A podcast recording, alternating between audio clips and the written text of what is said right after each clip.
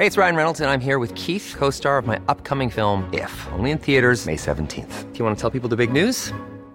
All right, I'll do it. Sign up now and you'll get unlimited for $15 a month in six months of Paramount Plus Essential Plan on us. Mintmobile.com slash switch. Upfront payment of $45 equivalent to $15 per month. Unlimited over 40 gigabytes per month. Face lower speeds. Videos at 480p. Active Mint customers by 531.24 get six months of Paramount Plus Essential Plan. Auto renews after six months. Offer ends May 31st, 2024. Separate Paramount Plus registration required. Terms and conditions apply if rated PG. There's never been a faster or easier way to start your weight loss journey than with PlushCare.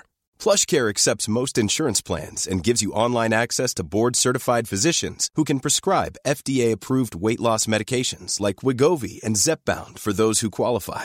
Take charge of your health and speak with a board-certified physician about a weight loss plan that's right for you. Get started today at plushcare.com slash weight loss. That's plushcare.com slash weight loss. plushcare.com slash weight loss. Quality sleep is essential. That's why the Sleep Number Smart Bed is designed for your ever evolving sleep needs. Need a bed that's firmer or softer on either side? Helps you sleep at a comfortable temperature? Sleep Number Smart Beds let you individualize your comfort so you sleep better together. JD Power ranks Sleep Number number 1 in customer satisfaction with mattresses purchased in-store. And now, save 50% on the Sleep Number limited edition Smart Bed for a limited time. For JD Power 2023 award information, visit jdpower.com/awards. Only at a Sleep Number store or sleepnumber.com. Hiring for your small business? If you're not looking for professionals on LinkedIn, you're looking in the wrong place. That's like looking for your car keys in a fish tank. LinkedIn helps you hire professionals you can't find anywhere else, even those who aren't actively searching for a new job but might be open to the perfect role. In a given month, over 70% of LinkedIn users don't even visit other leading job sites. So start looking in the right place. With LinkedIn, you can hire professionals like a professional. Post your free job on linkedin.com slash people today. I don't need a lot of brains in this business. I mean, I've always said if you got an IQ of 160, give away 30 points to somebody else because you don't need it in investments. What you do need is emotional stability. Wow. Very first tech IPO, and it's a big one. Stock market hit an all-time record high today. A crash is coming now, whether it's six months from now, 12 months, 36 months, no one knows. There's a bear market about every five years. We've gone eight years without one. People have to realize this is the biggest IPO ever. Hej och välkommen till ett nytt avsnitt av Market Maker som spelas in live från mitt kök. Det spelas in live från ditt kök, men vi kanske borde byta namn till Vinpodden. För Ja, vi precis. sitter här med ett glas vin var. Jag trodde du skulle säga ett glas vin. Det hade varit lite jobbigt om vi satt och delade med varsitt långt sugrör. Så är det, och vi spelar in lite tidigare också. Det är faktiskt bara onsdag. Vi har inte ens släppt föregående avsnitt, hur det nu går ihop sig. Exakt, och det är helt mitt fel, för jag ska iväg på vår vanliga eh, inspelningsdag. Så vi tänkte, det är fint väder, så vi kan ju spela in i, ikväll. Precis. Och vi tänkte prata faktiskt om Alibaba, det kinesiska bolaget som vi har håsat rätt mycket, men vi ska faktiskt vända lite på det idag. Eh, vi tänkte ta upp lite negativa rykten som, som sprids om Alibaba och eh, helt enkelt titta på några liksom, saker som ser väldigt skumma ut faktiskt. Det kan vara lite intressant, speciellt med tanke på att många har pratat om den här filmen China Hustle. Det var väl förra hösten eller något sånt när folk pratade om den. Och eh, den pratar ju om falska kinesiska bolag, eller det var olika typer av bedrägerier egentligen. Och sen så då avslutas den bara med att, och nu Alibaba, utan att nämna någonting specifikt. Exakt, det är ju väldigt lätt att falla in i någon typ av positiv bias när man analyserar bolag. Och eh, man slår helt enkelt bort all negativ kritik och information som går emot den bild man har redan har bildat kring bolaget. Och det är därför vi tycker det är extremt intressant att kolla de här ryktena som eh, man hör kring bolaget. Precis, och det är framförallt eh, journalisten eller bloggaren man ska säga, som kallar sig för Deep Throat. Eh, jag tror att jag retweetade något av honom på Twitter också. Han gjorde ju en djupgrävning i, i just Alibaba, eller han har gjort det länge egentligen, vi har ju följt det. Eh, och nu har vi då verkligen satt ner och tittat lite noggrant på det, tänkte att vi skulle vidarebefordra det till er och även väva in våra egna tankar såklart. Exakt, och Deep Throat är ju då en callback till Watergate. Eh, och då informatören som, eh, ja, som avslöjade det, precis, Som avslöjade det. Och då är väl eh, det här, eh, det, vem, den som kommer avslöja just Alibaba. Precis, eh, så det blir lite intressant tycker jag. Det, var, det blir lite mer konkret än den här konstiga filmen China Hustle då, som inte egentligen kom med någonting. Och eh, har ni några invändningar till det här, ja, som vi tar upp då, så kan vi rekommendera först kanske gå tillbaka och lyssna på de gamla Alibaba-avsnitten där vi är superhåsade. För att vi kommer, annars kommer vi få folk som säger att eh, varför är ni så negativa för det här är det här och det här missar ni. Ja, eller typ varför har ni inte tänkt på så här? Men vi har antagligen tänkt på det och tagit upp det tidigare. Och det är därför vi inte tar upp det i dagens avsnitt, för det blir bara överflödigt. Och som vanligt så är det ingen rådgivning eller rekommendation. Och det är framförallt inte ett kort case vi håller på att pitcha nu. Eh, vi vill belyfta, belysa risker, berätta lite om vår process, hur vi tänker. Gör alltid din egen analys för guds skull. Lyssna inte på oss blint hur som helst. Men innan vi hoppar in på det så kommer vi ta ett kort litet makrosvep kanske. Under maj månad tappade S&P 500 hela 4 biljoner dollar i marknadsvärde. Och medan alla fokuserade på Trump och hans handelskrig mot Kina och nu senast Mexiko så vill vi gräva lite djupare och titta liksom, vad som händer bakom kulisserna. Det är ju lätt att missa skogen för alla träd annars. Precis, för det händer ju saker i bakgrunden. Det är mycket som ser eh, lite oroande ut, som vi har nämnt förut. Eh, först och främst kan vi ta upp USAs BNP-siffra som nu har reviderats ner något, den här Q1-siffran alltså. Eh, vi nämnde ju för några avsnitt sedan att vi inte var jätteimponerade här och det beror bland, bland annat på att nettoexport och framförallt lageruppbyggnaden stod för över hälften av tillväxten. Och det hänger ju faktiskt också såklart ihop med rädslan för tullar. Absolut. Den här liksom, risken för handelskrig och tullar gör ju att tillverkare börjar bygga upp lager för att undvika högre framtida kostnader. Det ger ett extremt köptryck idag och det måste givetvis balanseras ut av ett sämre köptryck framgent. De senaste tre kvartalen har lageruppbyggnaden stått för mer än 3 procentenheter av BNP-tillväxten totalt. Och samtliga nio gånger det här har skett under de senaste 40 åren har det resulterat i ett rejält bakslag kommande kvartal.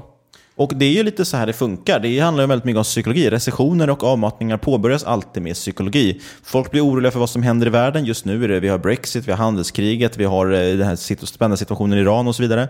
Eh, då börjar man på olika sätt sajsa ner, eller liksom försöka dämpa sina, ta ner sina utgifter. Eh, det gör att folk tar lite försiktigt med sin ekonomi. Det ser vi på sämre siffror inom bland annat retail sales och consumer confidence. Och det här ger svagare resultat för bolagen. De sänker också sina förväntningar då och sajsar ner ytterligare. Det kan vi läsa in i till exempel PMI-siffror siffror som kommit in under konsensus och nu närmar sig faktiskt kontraktionsterritorium i USA. Men det är fortfarande någonting som håller marknaden uppe, eller hur?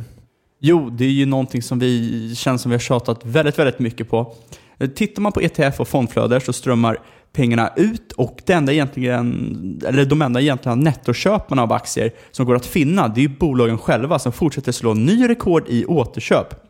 Men det finns ju dock en till faktor som är intressant och det är ju räntorna. Vi har tidigare nämnt att det inte är något ovanligt med rejäla rallyn när Fed blir duvaktiga. Till exempel har vi tagit upp eh, dotcom-bubblan då vi fick se ett ras på 20% likt det i vintras. Eh, Fed gick ut och sänkte och eh, vi fick ett liknande rally det vi haft nu bara för att direkt vända ner i källaren igen. Precis, och faktum är just nu att marknaden hänger väldigt mycket på att de här räntesänkningarna som man hoppas på. Eh, just nu prisar man faktiskt in tre räntesänkningar då fram till år 2020 och eh, ja, i princip två av de här då ska kunna komma under 2019 redan. Eh, vi har dessutom en mängd investerare som börjar lassa på sig amerikanska statsobligationer sedan en tid tillbaka. Inte minst faktiskt den legendariska Stanley Druckenmiller som det var mycket snack om i vintras. Ja, han har varit väldigt populär senaste tiden. Sen dessutom kan det tilläggas, vi har pratat lite om det här med yieldkurvan och inverteringen av den. Just nu är det så att tioåringen versus då tre månadsräntan, ja man får faktiskt anse att den är inverterad på riktigt nu. Eh, det här lär ge ytterligare press på aktiemarknaden. Eh, och kanske är det annorlunda den här gången, it's different this time. Eh, det var ju precis det man sa i alla fall när samma sak hände under 2007. Och nu är det faktiskt några analytiker också då på Morgan Stanley. De har dessutom roat sig faktiskt med att justera yieldkurvan för både QE och QT. Det här tycker jag är rätt intressant. Det visar sig då enligt deras justeringar att eh, yieldkurvan har faktiskt varit inverterad i ett halvår redan om man skulle justera bort de där effekterna. Eh, och den konklusionen de nådde då helt enkelt, ja det var att risken för avmattning och recession är rejält uppskruvad oavsett vad som händer i handelskriget. Ja, det kanske kan vara värt att påminna också att just Morgan Stanley var mer eller mindre de enda investmentbanken som eh, under 2007 vågade gå ut och varna för just en recession. Precis, det känns som att eh, cirkeln sluts på något sätt. Absolut. Men med tanke på att eh, de stora riskerna idag snarare ligger på företagens balansräkningar än hushållens, så kan det ju vara värt att hålla ett extra öga på kreditmarknaden. Och det är just det Fed gör. Just det. P.E. Powell vet jag några som kallar Feds ordförande för. Han är ju en private equity-kille i grunden och han bevakar noggrant kreditmarknaden också faktiskt.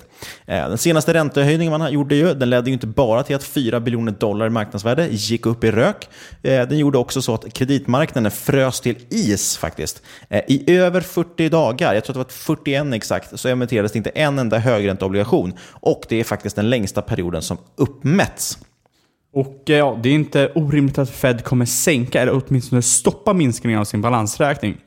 Som vi tidigare nämnt så tror vi att eh, vi går in i en lång period av extremt låga räntor och det är nog så enkelt att marknaden behöver de låga räntorna och kanske till och med kvantitativa lättnader för att eh, vara på gott humör. Summa summarum kan man säga att det finns mer risk för negativa överraskningar än positiva just nu. Marknaden har redan diskonterat in de här räntesänkningarna och får vi inte dem nu, ja, då kan det bli riktigt, riktigt tufft. Eh, men som sagt, det är det här som är det mest intressanta egentligen just nu tycker vi. Oavsett hur mycket medien fokuserar på den här dealen mellan Trump och Xi. Eh, skulle den komma igenom, ja, då ger det då inte mer än ett kortvarigt glädjeskutt. Så ta med er en sak, fokusera på de rätta sakerna. Och nu går vi från en bäsedel till en annan. Men innan dess så ska vi berätta att vi sponsras denna vecka av danska MenuPay som är världens första och största betalnings-, rabatt och lojalitetsapp för företag, deras anställda och de restaurangbesök de gör. Man kan alltså använda den här MenuPay-appen för att boka bord. Man erhåller då en rabatt på hela 10-30%. Det är ganska galet bra. Och samtidigt så kostnaderna då de anpassas ju för företagets affärssystem och så vidare, så det är smidigt att använda. Man har idag över 56 000 användare. Man ökar med över 100 nya användare per dag och 15 nya företag per månad. Eh, 450 restauranger som är anslutna och i genomsnitt får användarna då hela 15% rabatt på de här bokningarna. Det är en win-win, helt klart. Eh, och man är nu faktiskt redo för att expandera internationellt och i samband med det här så gör man då en nyemission på drygt 20 miljoner svenska kronor ska man ta in och eh, då är närmare 70% också redan tecknat, så det här är rätt intressant. Eh, är man intresserad av det här? Ja, teckningsperioden pågår fram till den 17 juni, så gå in hos din nätmäklare redan idag när du lyssnar på det här. Läs på om det här erbjudandet och bolaget om du är intresserad av MenuPay. Bolaget handlas idag på Spotlight med ticken Menu, också B för B-aktie. Vi säger stort tack till MenuPay.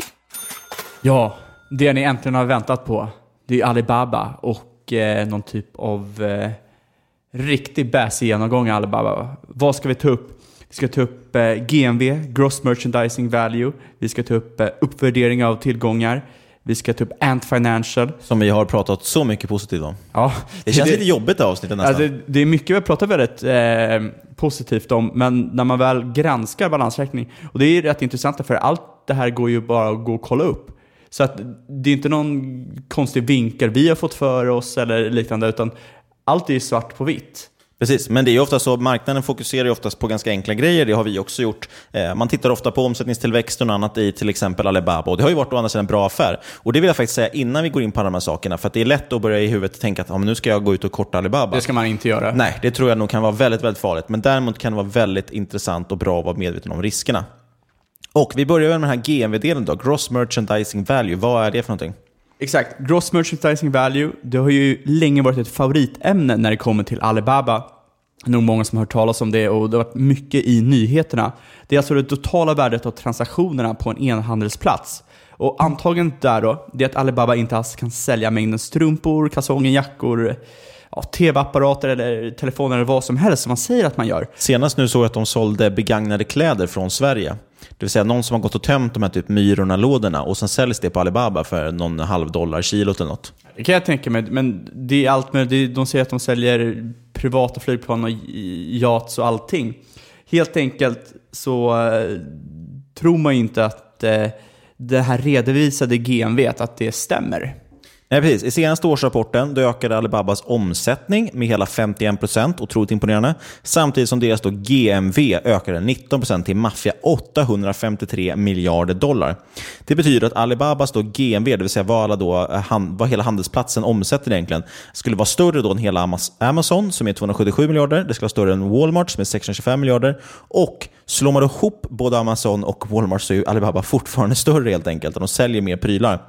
Eh, Alibabas GMV har faktiskt vuxit hela tio gånger om sedan 2012 och är nu på väg att nå en biljon dollar, det vill säga one trillion dollar, den magiska siffran, nästa år.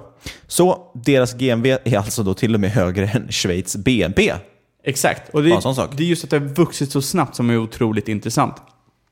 Men det, liksom, det visar ju på att deras rapporterade GMV det är extremt högt. Men det är när man sätter det i kontext, till exempel GMV per anställd, som man ser det liksom lite mer i sin helhet. Walmart har ett GMV på 284 000 dollar per anställd.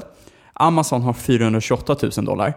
Och det här säger inte egentligen så mycket förutom att man visar någon typ av metric. Men rimligt kan tänkas att Amazon som är mer datadriven business, ett techbolag och kräver troligtvis mindre personal per, försäljning, liksom, eh, per försäljning. Man kan ju också väva in att eh, Kina troligtvis antagligen säljer för mindre för att de har generellt lägre liksom, eh, vad säger man, privata, eller vad säger man, ekonomiska muskler. Men också att de anställda är billigare. Så de borde dra på med anställda. Absolut. Och det är här det kommer in då. Rimligtvis bör ju Alibaba som är en liknande verksamhet ligga någonstans där i krokarna kring Amazon, eller kanske lite mer, lite över här om man är generös. Men Alibabas GMB per anställd är 8 336 000, alltså cirka 20 gånger högre än Amazon. Inte dåligt. Nej, och det här är ju jätte... Det, det, är intressant. Det är, Alibaba är verkligen en mästare på att kräma ut väldigt mycket från väldigt lite. Eller så låter det lite för bra för att vara sant. Eh, det här är i alla fall väldigt intressant. Om man, man då tänker att deras GMV inte skulle vara lika hög som rapporterat, ja då innebär det ju troligtvis att man lägger in andra typer av transaktioner som är inte associerade med själva e-handeln in i det här nyckeltalet.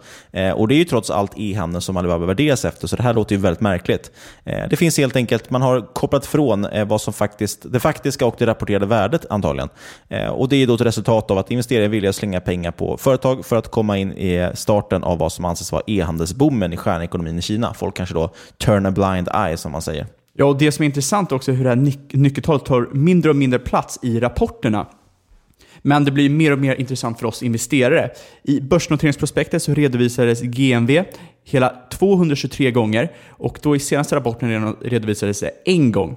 Det känns nästan lite som management försöker dra sig ifrån att använda det här måttet. Men något de däremot inte drar sig för att använda det är uppvärdering av tillgångar.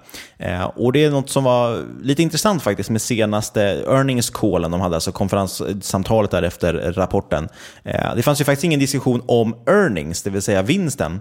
Däremot fanns det i senaste rapporten någonting som heter gain on revaluation of assets, det vill säga vinst som kommer från omvärdering av tillgångar. Och den låg på nästan 3 miljarder dollar. Eh, det är alltså ungefär lika högt som senaste kvartalets vinst. Och bara för att ta det en gång till så blir det tydligt. Alibaba har alltså uppvärderat sina egna tillgångar och den här uppvärderingen är ungefär lika stor som vinsten. Alltså, exkluderar man den här uppvärderingen, ja, då skulle inte Alibaba ha ens en vinst förra kvartalet. Det är intressant. Den här uppvärderingen i tillgångar, den kommer bland annat från deras uppvärdering av Alibaba Pictures. Som, det filmbolaget. Exakt. Som, tog en, som de tog en majoritetskontroll över under mars 2019. Och det som är intressant är att Alibaba Pictures blev nedskrivet med cirka 3 miljarder dollar på förra årets årsrapport samtidigt som man skrev upp Kainow Networks med cirka 3,5 miljarder dollar. Så nu när man har 51% ägande, ja då skriver man upp värdet på bolaget igen. En turnaround. Ja, det är tur att bolaget har återhämtat sig så extremt snabbt. Verkligen. Eh, är den totala uppvärderingen, eller egentligen då bokföringsvinsten, det vill säga den beror inte på någon riktig affär som skett, eh, för hela året är 7 miljarder dollar och det här inkluderas i deras vinst på nästan 12 miljarder dollar. Det vill säga, majoriteten av Alibabas vinst kommer faktiskt från tillgångsuppvärdering snarare än den faktiska verksamheten. Men en stor anledning till att man missar att se det är just för att omsättningstillväxten har också varit stor. Och Då är det lätt att tänka väldigt snabbt att okay, men då lär ju vinsten också rimligtvis ha ökat. Tillgångar som värdepapper, investeringsobjekt, immateriella tillgångar och goodwill utgör vid senaste rapporten 60% av Alibabas balansräkning, det vill säga 85 miljarder dollar. Det här är alltså upp från 59 miljarder dollar, eller 51% av balansräkningen året innan, och upp från 0% per 2015 årsrapport. Det här är ju en helt otrolig tillväxt. Eh, det är ju bättre än vad Warren Buffett har lyckats få till med. Och då är den stora frågan... Han är ganska gammal alltså. Han är ganska gammal, han vet ju inte det här med tech-investeringar. då är den stora frågan om deras investeringar faktiskt haft en sån här rejäl ökning, eller om management tagit sig friheten att skriva upp sina tillgångar som kanske inte är 100% grundat i verkligheten. Vi kan ju ta som ett litet exempel, om vi tittar på Property and Equipment-posten, det vill säga ja, en typ av anläggningstillgångar, det är liksom ja, mark och utrustning och sådana saker. Eh, den fortsätter ju öka kraftigt på balansräkningen. Tittar man på köpen för just P och E, Property and Equipment, drar man av lite avskrivningar så låg det på ungefär 5,3 miljarder dollar under året. Och det nämndes faktiskt inte alls vad de här köpen bestod av, trots att det var som sagt 5 miljarder, över 5 miljarder dollar. Eh, men det skulle i alla fall innebära att kostnaden för egendom, under, eller under året, motsvarar ungefär kostnaden av att bygga fyra Burj Khalifa, det vill säga världens högsta byggnad. Och då är frågan, vad används alla de här fastigheterna till? Det är ju inte man själv som säljer någonting egentligen. Eh, men man vet faktiskt inte, för det här beskrivs ju inte av företaget. Och Det skulle vara intressant att se till exempel värdering och beskrivning på de största uppköpen om man är aktieägare. Det är ju trots allt väldigt trevligt att veta kanske vad man får som ägare i ett bolag, speciellt om de äger så mycket fastigheter och så. Ja, det som är intressant är att det här är inte första gången det här händer. Förra året så rapporterade Alibaba att de totalt ägde mark och fastighet på 5,6 miljoner kvadratmeter. Det låter ju väldigt, väldigt mycket, men det som är intressant är att det här är en tiofaldiga ökning från året innan. Är helt Vilket företag behöver köpa så mycket mark på ett år? Eh, det som är intressant här är att overhead ökade inte särskilt nämnvärt. Man kan ju tänka sig att det här med fastigheter är ju relativt dyrt och dyrt att underhålla, men eh, tydligen inte. Men det som är extra intressant med det här, eh, de här uppköpen förra året, det är kostnaden för fastigheterna. Jämför man book value på den här äh, posten property and equipment, netto nedskrivningar, så, äh, så ser man ju att det skrivits ner från 5 376 dollar per kvadratmeter 2017 till 1900 dollar per kvadratmeter 2018. Och det här inkluderar ju den nyköpta marken. Och man kan ju tänka sig att de här äh, 10 miljarder dollar man la på nyköpta fastigheter inte direkt behöver skrivas ner. Så det innebär ju att man köpte väldigt, väldigt, väldigt billig mark och fastigheter. Precis, som man då sen kanske skulle kunna uppvärdera. eh, vi nämnde tidigare också det här med Alibaba Pictures, där man ju hoppat, det har liksom hoppat lite in och ut ur rapporterna mellan året. Eh, och Det här är inte heller en engångsföreteelse, utan det händer med en hop olika bolag. Eh, man har ju massvis med dotterbolag, vilket vi kommer komma in på. Eh, och Det är rätt intressant faktiskt att se just hur tillgångarna blir uppvärderade och sen så blir de nedvärderade och de ramlar ut och in i rapporter och så vidare. Eh, och Vissa av det är liksom som man kan kalla för flaggskeppsbolag, alltså några som de lyfter upp som sina kronjuveler. De bara försvinner ju ibland utan att nämnas helt. Ja, det är sjukt, sjukt konstigt. Ett exempel är till exempel företaget Autonavi. Diskuterades inte i rapporten alls, men i börsnoteringsprospektet behandlas det som ja, en kronjuvel. Man kommenterade inte alls på hur Weibo plötsligt fått en värdering på 1,2 miljarder dollar. Eh, Meisus värdering på en halv miljard dollar har helt försvunnit utan förklaring. Och man kan ju ställa sig frågan varför då? Ingen aning, för det säger de inte i eh, sin årsredovisning. Man ser även att Singapore Post, det har helt försvunnit mellan 2017 och 2018. Nämns inte varför. Eh, ja, det finns en hel drös med konstigheter helt enkelt mellan sådana här dotterbolag som försvinner och det tillkommer och så skrivs de upp och så skrivs de ner. ges ingen förklaring varför. Precis, och eh, då kanske någon då, vän av ordning säger att ah, men det är väl ingen idé att nämna om det inte har hänt något med dem. Eh, men det är ju faktiskt så att man måste redovisa, eller man ska redovisa allt det här så att man faktiskt kan följa det år efter år oavsett. Det är ju så det funkar. Eh, det mest intressanta kanske, det är ju också Alibaba, att de investerade i något som heter Wanda Films förra året. Där har ju dessutom ordförande en väldigt stark knytning till Alibabas vd Jack Ma. Alibaba köpte in sig 8% av aktierna för cirka 750 miljoner dollar. Och man kunde inte avslöja om det här skedde till liksom ett bra pris, var det ett fair value? Eh, för aktierna i Wanda Films, ja de har ju varit handelsstoppade i över ett år. Eh, och den här transaktionen den gömdes då redan som en fotnot i årsrapporten. Eh, väldigt udda beteende kan man faktiskt tycka, att, eh, även om man tycker att det här var reko eller inte. Jag tänker om det skulle hända i USA. Vi säger att eh, Warren Buffett hade gått och pungat in en miljard dollar i någon kompis företag utan att riktigt säga varför de gjorde det eller inte riktigt förklara någonting i årsrapporten. Då hade det ju blivit en väldigt eh, intressant investigation. Men i alla fall, inom Alibaba-ekosystemet så ingår det 920 separata verksamheter, eller som de kan kallas för dotterbolag. 500 i Kina och 420 utspridda globalt. Investor slänger i väggen. Ja, exakt. Det här låter ju mycket och det är för att det är väldigt, väldigt mycket. Extra intressant är ju också att Alibaba skapat 300 nya verksamhetsenheter eller dotterbolag per år de senaste två åren. Och av dessa anses 47 vara significant, eller signifikanta som det heter på svenska. Tack för översättningen. det är ingen orsak, enligt Alibaba själva. Och 15 är supersignifikanta. Men varför de är signifikanta? Ja, vet man inte om. Det kan ändras när som helst. Företag som varit signifikanta det är Sheishan, Kaino Supply Chain, Yuko Information Technology och Yuko Internet Technology. Eh, signifikanta ena stunden och i andra stunden försvinner de. Nämns inte.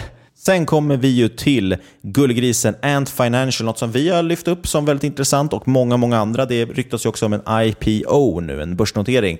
Eh, och det är ju så, vi har ju tänkt så att de tjänar ohyggligt med pengar, de har en extremt intressant ställning med tanke på att de då står, har Alipay och så vidare. Så det är Alibabas liksom, betalningsbolag kan man säga. Eh, och det är inte så sagt bara vi som tycker det, utan det har faktiskt värderats till världens högst värderade fintechbolag med en värdering på 150 miljarder. Förstod man vad jag sa där eller var det jätterörigt? Nej, men man behöver bara komma ihåg. Världens Okej. högst värderade fintechbolag värderat till 150 miljarder dollar. Men så är det ju faktiskt så att förra året kunde man ju läsa Alibabas rapport att Ant Financial faktiskt gick med förlust. Nu här, lagom till börsnotering då, så har man skrapat ihop en vinst om 77 miljoner dollar. Eh, det låter ju superbra om man inte tar hänsyn till som sagt 150 miljarder dollar i företagsvärdering. Eh, Man har monopolstatus, man har över en miljard årliga aktiva användare.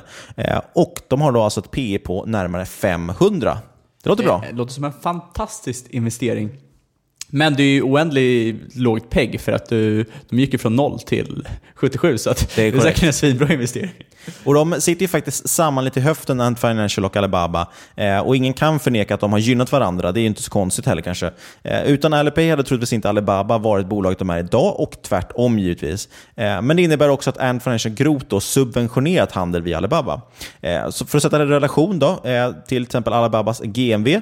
Så förra räkenskapsåret, ja, då får man en avgift, liksom kan man få räkna fram att avgiften för Alipay ligger på ungefär 0,13 procent, transaktionsavgiften.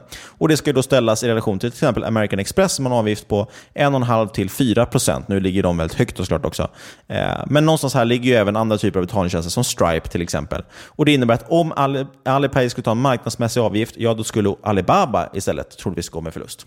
Det kanske räcker med Ant Financial. Kan vi gå in på något lite roligare, nämligen deras givmilda aktiepolicy. Alibaba, väldigt generösa som arbetsgivare och älskar att belöna sina anställda. De gav förra året ut aktier och kickbacks till anställda, vänner och familj för cirka 5,6 miljarder dollar, det vill säga 10% av omsättningen. Tycker ändå man kan stanna ett litet slag där vid vänner och familj.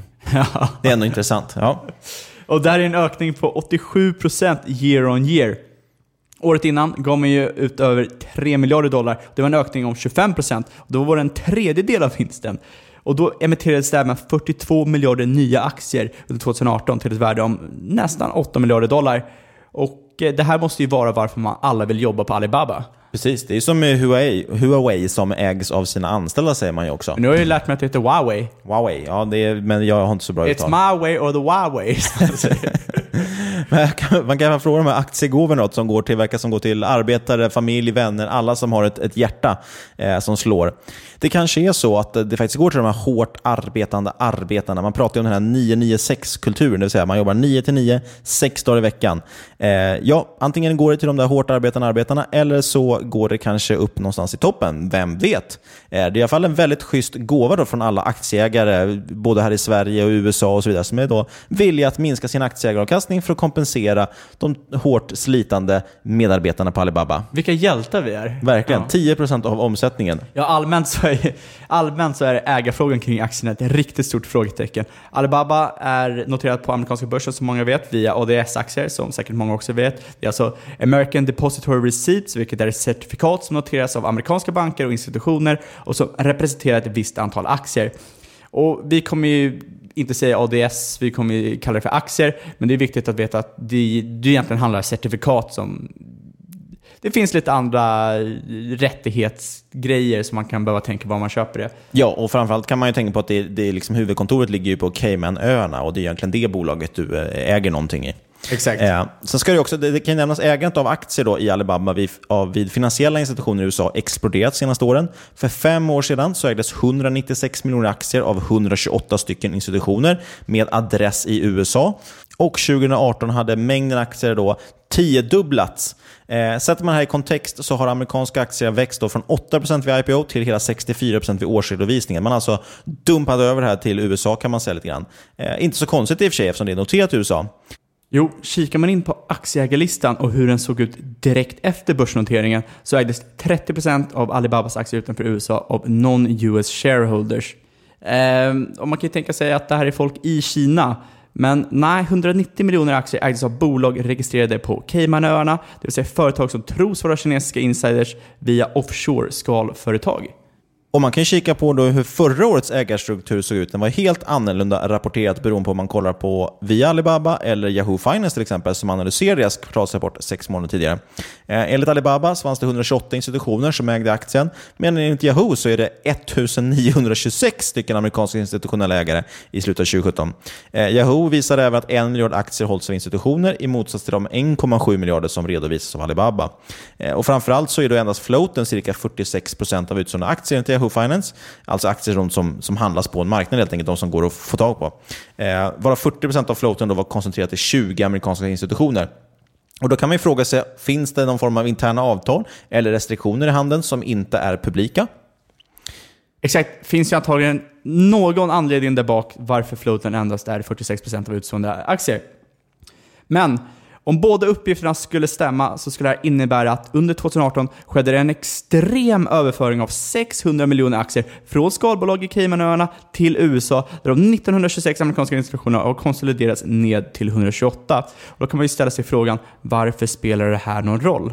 Jo, man har alltså gått då från 2000 eh, institutionella investerare, massa offshorebolag i Caymanöarna och så vidare och sakta men säkert roterats ut och nu ligger det här pengarna i det amerikanska systemet. Eh, kanske framförallt också hos retail-investerare och eh, vi får ju hoppas att det inte är så att man har lurat på det amerikanska folket här helt enkelt.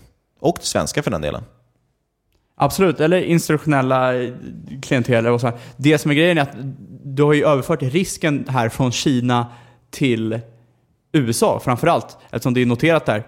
Det betyder att är det något fuffens bakom gardinerna i Alibaba, ja då är det ju amerikanska aktiemarknaden som kommer att få bära stöten.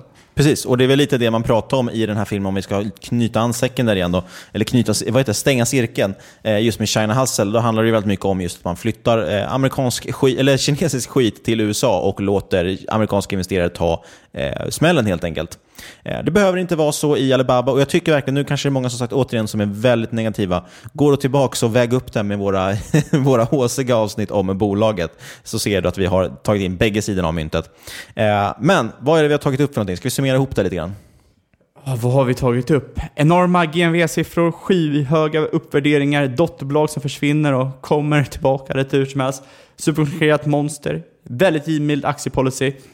Eh, men det här är faktiskt bara toppen av isberget och det finns ju egentligen mycket annat man kan diskutera som inte är så liksom skumt. Som inte är så skumt. Det finns ju sådana saker som att en av deras core business tjänar pengar. Deras andra verksamheter, oavsett om det är cloud eller digital media eller deras innovationsavdelningar, de förlorar ju pengar. De förlorar cirka 2 miljarder dollar i kvartalet. Så det finns ju rätt mycket man eh, kan prata om rätt mycket bakom kulisserna som man kanske inte riktigt kan tänka sig. Och det är väldigt svårt att se också när det är sånt här komplext bolag. Oj, vilket avsnitt. Jag känner mig helt utpumpad. Ja, absolut. Finns det något mer vin här eller? det finns faktiskt. Det kan ju dock först vara på sin plats att eh, säga det här utan att sluddra.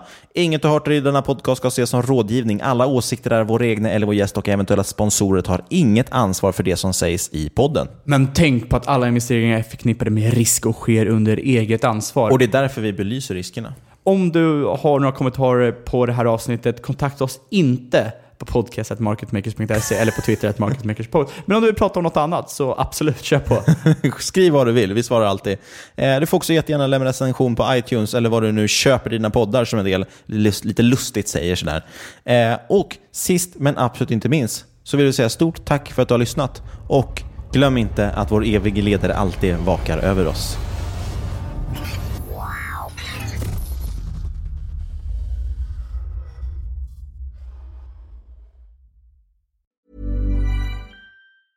Quality sleep is essential. That's why the Sleep Number Smart Bed is designed for your ever evolving sleep needs. Need a bed that's firmer or softer on either side? Helps you sleep at a comfortable temperature? Sleep Number Smart Beds let you individualize your comfort so you sleep better together. JD Power ranks Sleep Number number 1 in customer satisfaction with mattresses purchased in-store. And now, save 50% on the Sleep Number limited edition Smart Bed for a limited time. For JD Power 2023 award information, visit jdpower.com/awards. Only at a Sleep Number store or sleepnumber.com.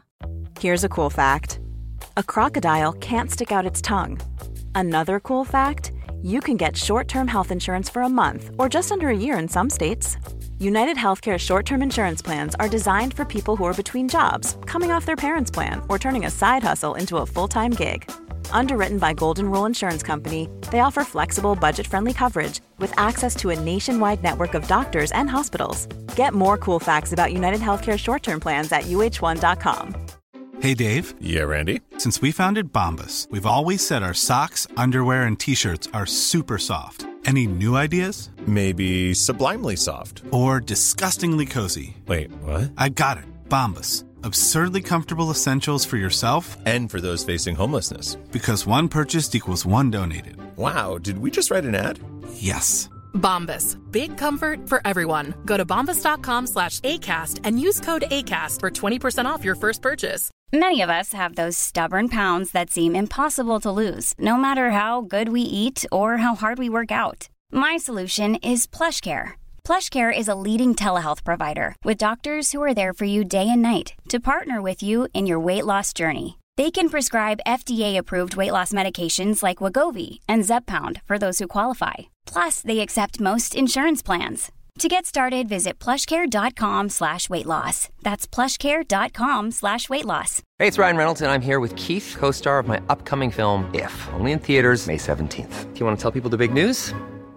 All right, I'll do it. Sign up now and you'll get unlimited for $15 a month in six months of Paramount Plus Essential Plan on us. Mintmobile.com slash switch. Upfront payment of $45 equivalent to $15 per month. Unlimited over 40 gigabytes per month. Face lower speeds. Videos at 480p. Active Mint customers by 531.24 get six months of Paramount Plus Essential Plan. Auto renews after six months. Offer ends May 31st, 2024. Separate Paramount Plus registration required. Terms and conditions apply if rated PG.